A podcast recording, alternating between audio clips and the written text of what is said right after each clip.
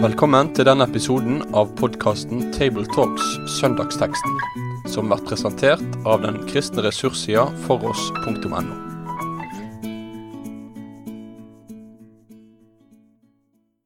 Hjertelig velkommen til en ny runde med Tabletalks, der vi går gjennom eh, søndagens tekster. Eh, til denne dagens samtale skal vi gå gjennom teksten for tredje søndag i faste, fra Markus 9, vers 17-29. Og eh, tredje søndag i faste er altså da et godt stykke ut i fastetida. Fastetida er jo de 40 dagene som går fra askeonsdag og fram til første påskedag. Eh, og I fastetida er det ganske vanlig, i, i, hvert fall i kirkelig og liturgisk sammenheng, at en ikke synger Gloria, lovsangen, eh, men en venter med den til natta til første påskedag. Og Det er for at eh, fastentida er preget av alvor, og det er tid som er preget av forberedelse, forsakelse. Og denne tredje søndagen i faste har også fra gammel tid ofte blitt kalt for occoli, som er et latinsk ord som betyr øye. For det er også på den måten en påminnelse om at eh, fastetid handler om at uh, blikket skal vendes vekk fra noe og til noe annet, og nemlig til at oppmerksomheten skal rettes mot Jesus og, og, og, det han gjør for oss. Og i dagens tekst på en særlig måte så skal vi få rette oppmerksomheten imot Jesu makt over det som er ondt i denne verden. Med meg til dagens samtale så har jeg uh, mine to gode samtalepartnere. Det er Sverre Bø.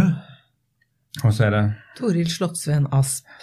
Og eh, tradisjonen tro så skal Toril få gleden av å lese teksten fra Markus 9, vers 17-29. Da de kom tilbake til andre, de andre disiplene, så de en stor folkemengde samlet omkring dem, og noen skriftlærde som diskuterte med dem. Straks folk fikk øye på Jesus, ble de forferdet, og de løp mot ham for å hilse ham. Han spurte dem da, Hva er det dere diskuterer med dem? En i mengden svarte, Mester, jeg er kommet til deg med sønnen min, fordi han har en ånd som gjør ham stum.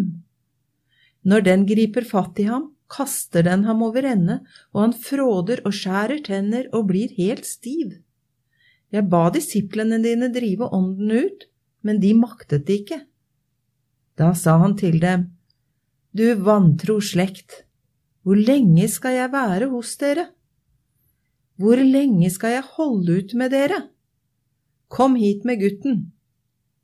De kom med ham, og straks ånden fikk se Jesus, rev og slet denne gutten, så han falt over ende og vred seg og frådet. Jesus spurte faren, Hvor lenge har han hatt det slik? Fra han var liten gutt, svarte han. Mange ganger har ånden kastet ham både i ild og i vann for å ta livet av ham.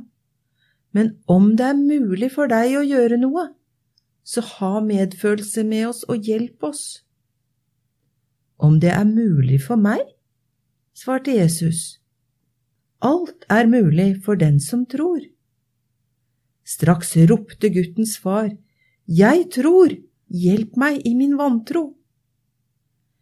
Da Jesus så folk stimle sammen, truet han den urene ånden og sa, Du stumme og døve ånd, jeg befaler deg, far ut av ham og far aldri mer inn i ham.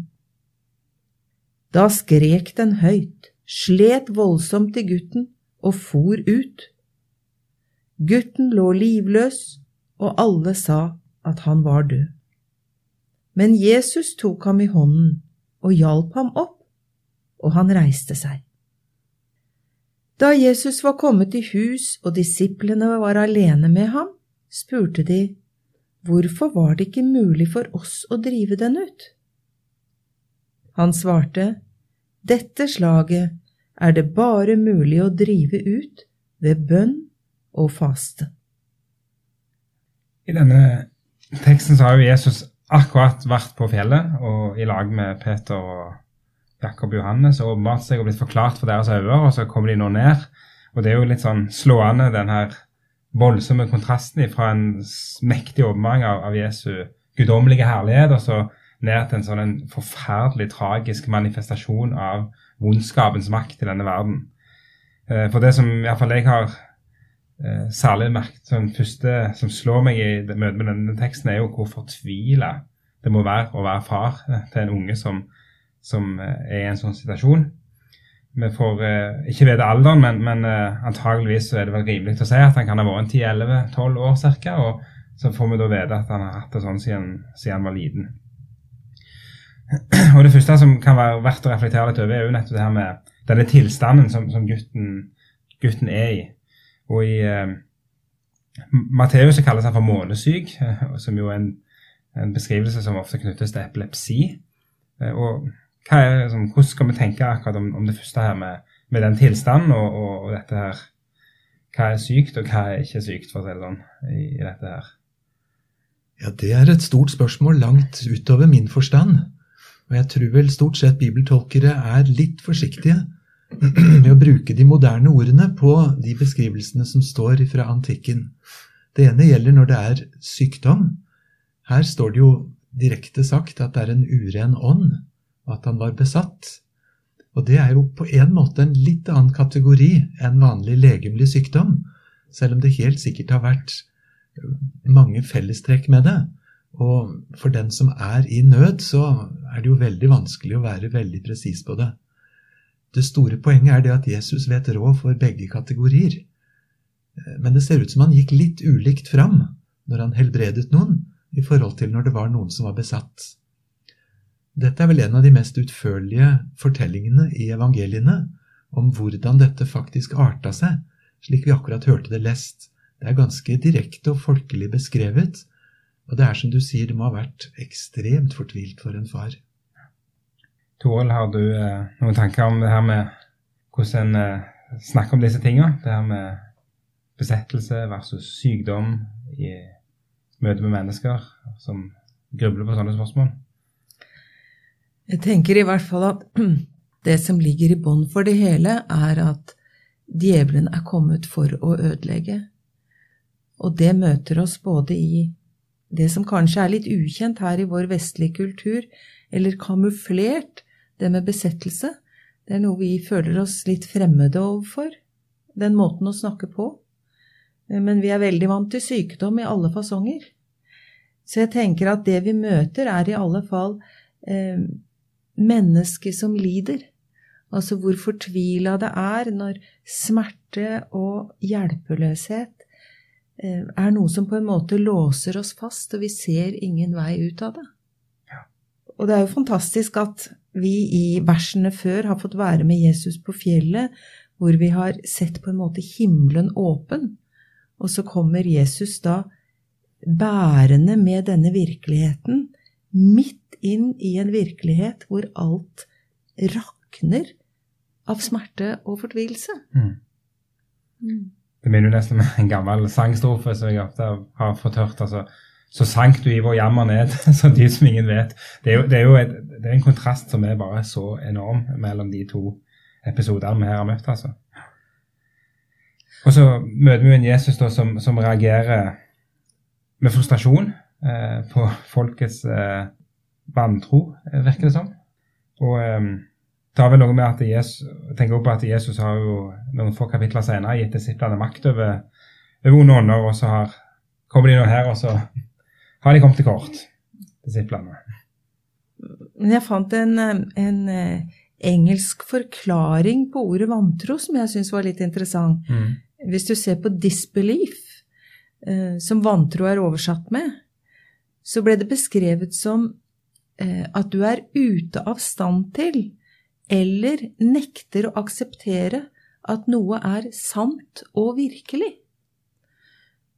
Og jeg tenker at det er jo også umulig for et menneske som da er preget av den smerten vi nå får kontakt med her i teksten, å kunne virkelig tro og ha full tillit til den virkeligheten Jesus representerer, som har vært på fjellet i en fortrolig samfunn Eh, samtale med Gud, sin far.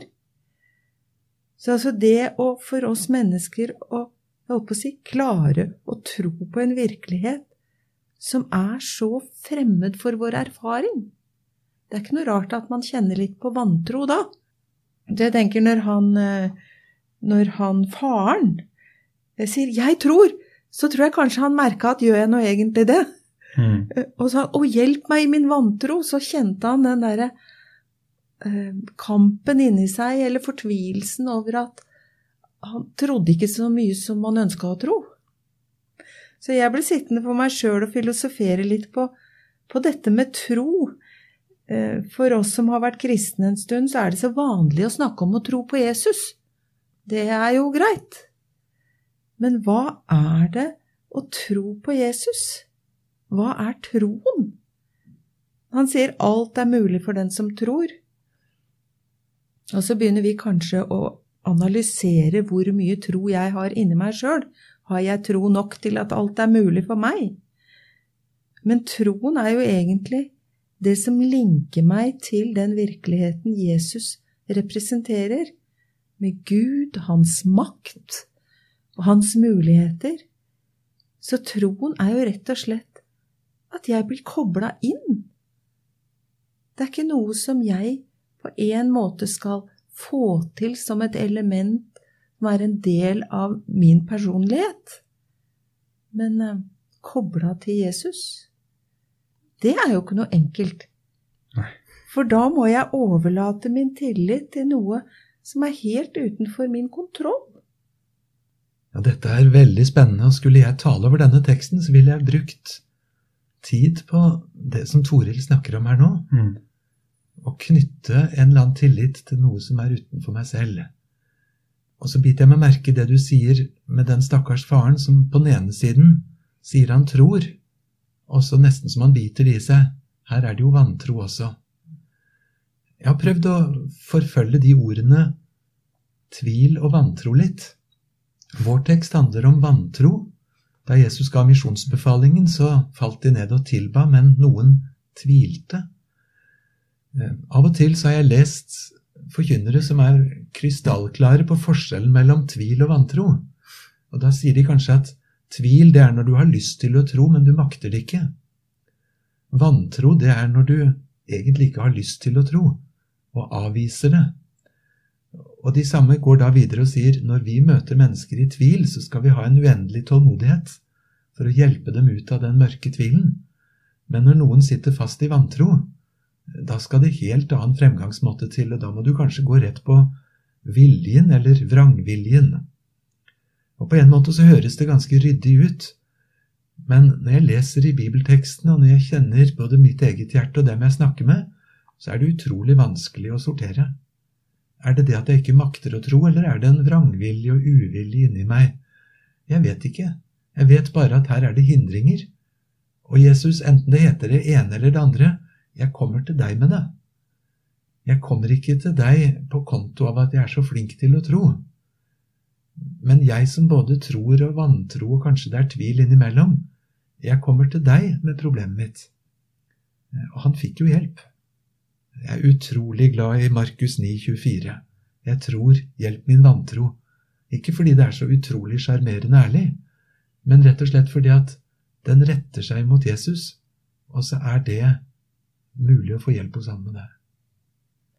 Og så ser det jo ut til at han også blir mer knytta til Jesus fordi han eh, ber Jesus om hjelp inn i det han kjenner blir så vanskelig. Så, så i dette tilfellet så er jo ikke vantro noe som driver ham vekk, men han henvender seg til Jesus og blir eh, knytta til ham i sin hjelpeløshet.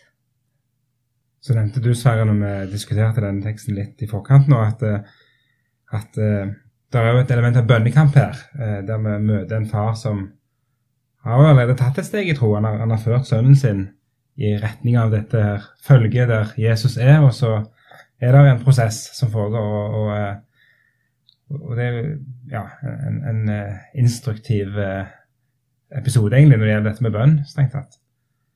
Ja, for det tror jeg det er, og gjennom århundrene så er det mange som har talt over denne teksten mest ut ifra fars perspektiv. Hvordan gjør en far eller en mor eller en selv når en har noe som skal fram for Jesus? For tilsynelatende er det jo så enkelt vi bare legger til Jesu hender. Men her får vi nærbilder av en kamp. Faren har funnet veien til disiplene, men de kunne ikke hjelpe han. Så omsider får han kontakt med Jesus, men det ser ut til at han avvises. Du vantro slekt, hvor lenge skal jeg holde ut med dere? Det var liksom ikke den hjerteligste invitasjonen for å komme med sitt bønnebegjær. Og når han får kontakt og får lagt fram sitt problem, så tar Jesus tak i dette vanskelige ordet om tro. Eh, og det er jo et ømt punkt for noen hver av oss når vi ber. Ber jeg egentlig tro, eller hvordan står det til hos meg? Så det ser ut til at han møter hindringer nok, men på en måte så er retningen hans hele tiden fram mot Jesus.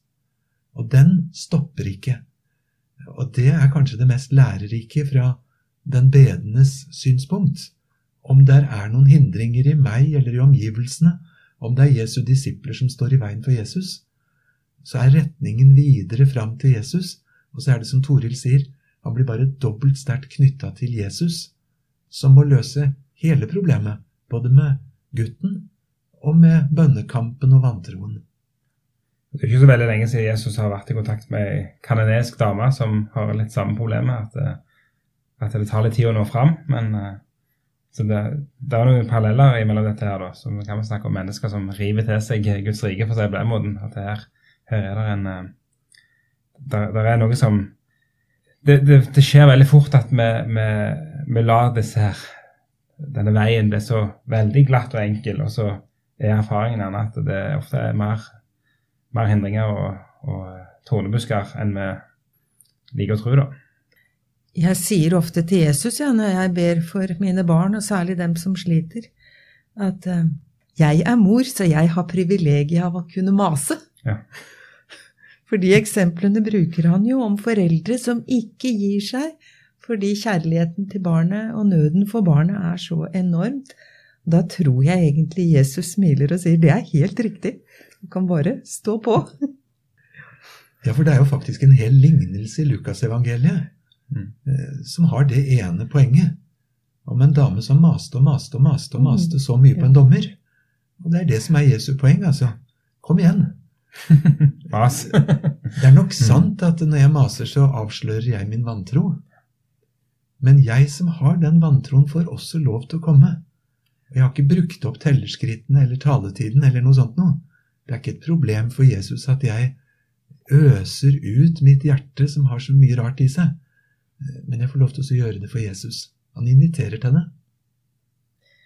Men så tenker jeg også på når Jesus sier din, du vantro slekt, og vi får på en måte et glimt inn i Du kalte det frustrasjon, eh, smerte, lidelse for Jesus.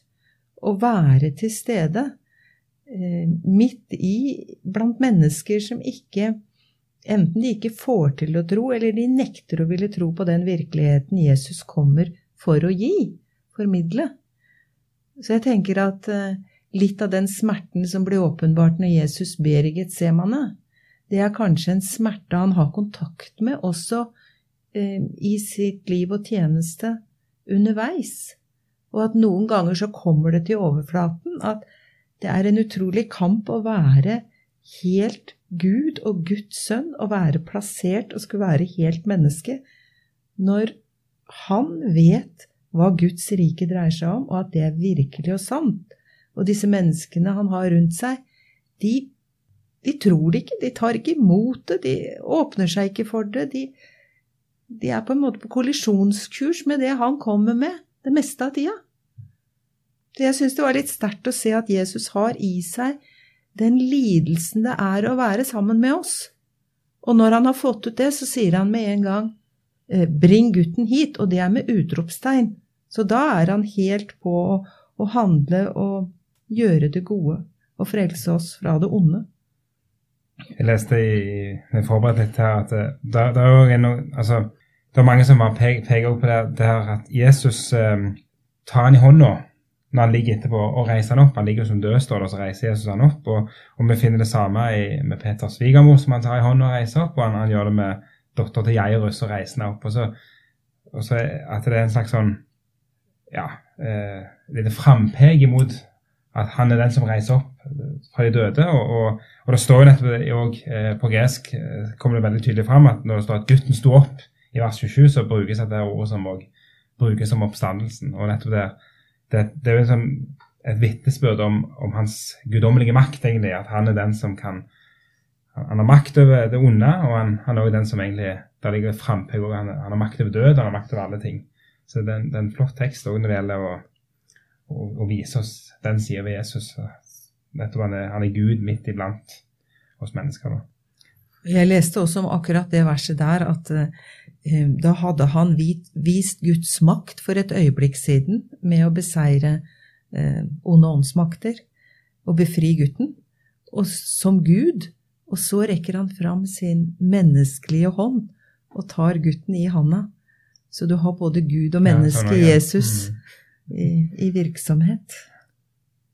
Ja, Det er flott. Og det er faktisk enda et perspektiv på dette, for det var jo en uren ånd. Ja. Og etter vanlig jødisk og gammeltestamentlig skikk så ville han da bli å anse som uren selv, når han tar igjen som i hvert fall inntil nå var uren. Men dette er jo et gjennomgående trekk ved Jesus, at han står ikke på armlengdes avstand utenfor smittefare og bare liksom sier noen fjerne ord. Mm. Men han går inn i situasjonen. Han til og med tør å berøre mennesker som hadde blødninger, f.eks. Eller her en direkte uren ånd. Og det er som mange har sagt, at Jesus var ikke redd for å bli smittet av urenhet. Han kommer med renhet, og nær sagt påfører renhet på de som er smittet. Og det viser også en utrolig nær Jesus, som går helt inn i virkeligheten. Smittsom renhet. Får bli rett og slett det det handler om. Eh, og så slutter denne episoden eh, vi må få med det også, med en privat privatundervisning. Der eh, de er kommet for seg sjøl alene, og så står det da noe om, om, om omsider ordet faste, til og med, siden vi er i fastetida. Men altså nødvendigheten av bønn og faste for å drive ut eh, denne ånden. Hvordan skal vi forstå det? Altså, har disiplene gjort noe feil? Har de brukt noen feil teknikker? Altså, her, det jo, her ligger det litt sånn eh, litt undrestoff etter mine begreper. Jeg, jeg syns jo at det er litt trøst i det også, jeg, ja, da. At disse som var opplært og sendt ut til å gjøre Guds gjerninger, plutselig står i hjelpeløshet og forvirring, for de får det jo ikke til. Altså, det blir ikke sånn de gjerne ville det skulle bli.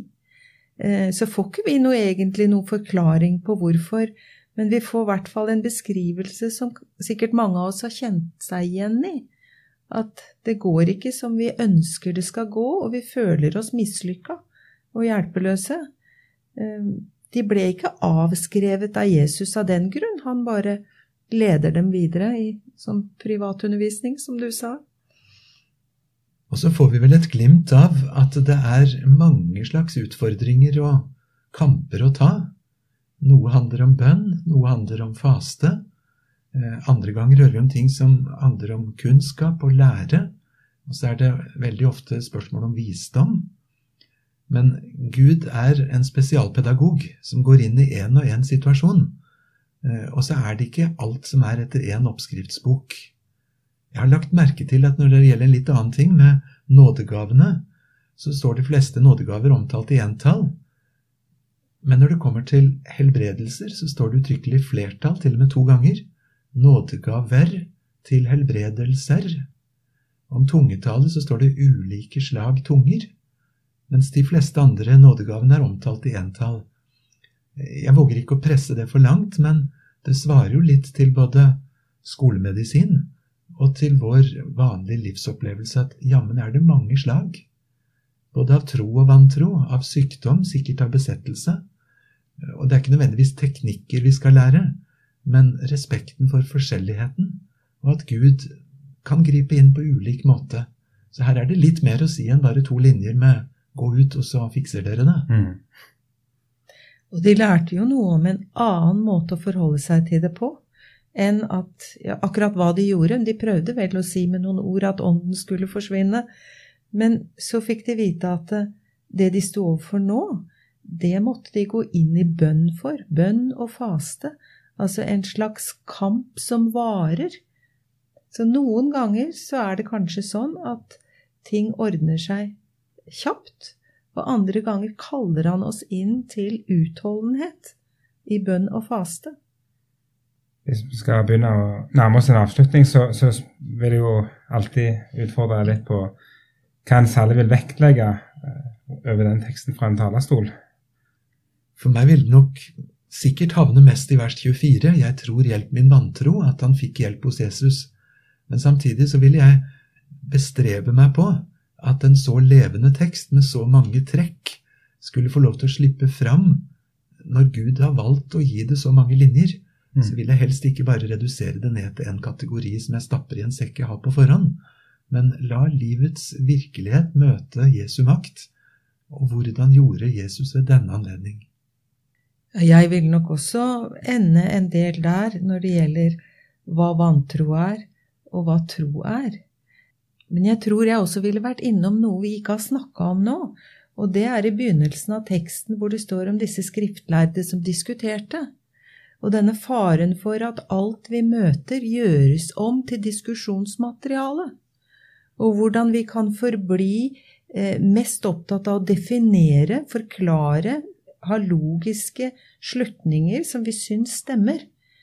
Altså diskutere og diskutere som en motsats til å hengi seg og tilbe.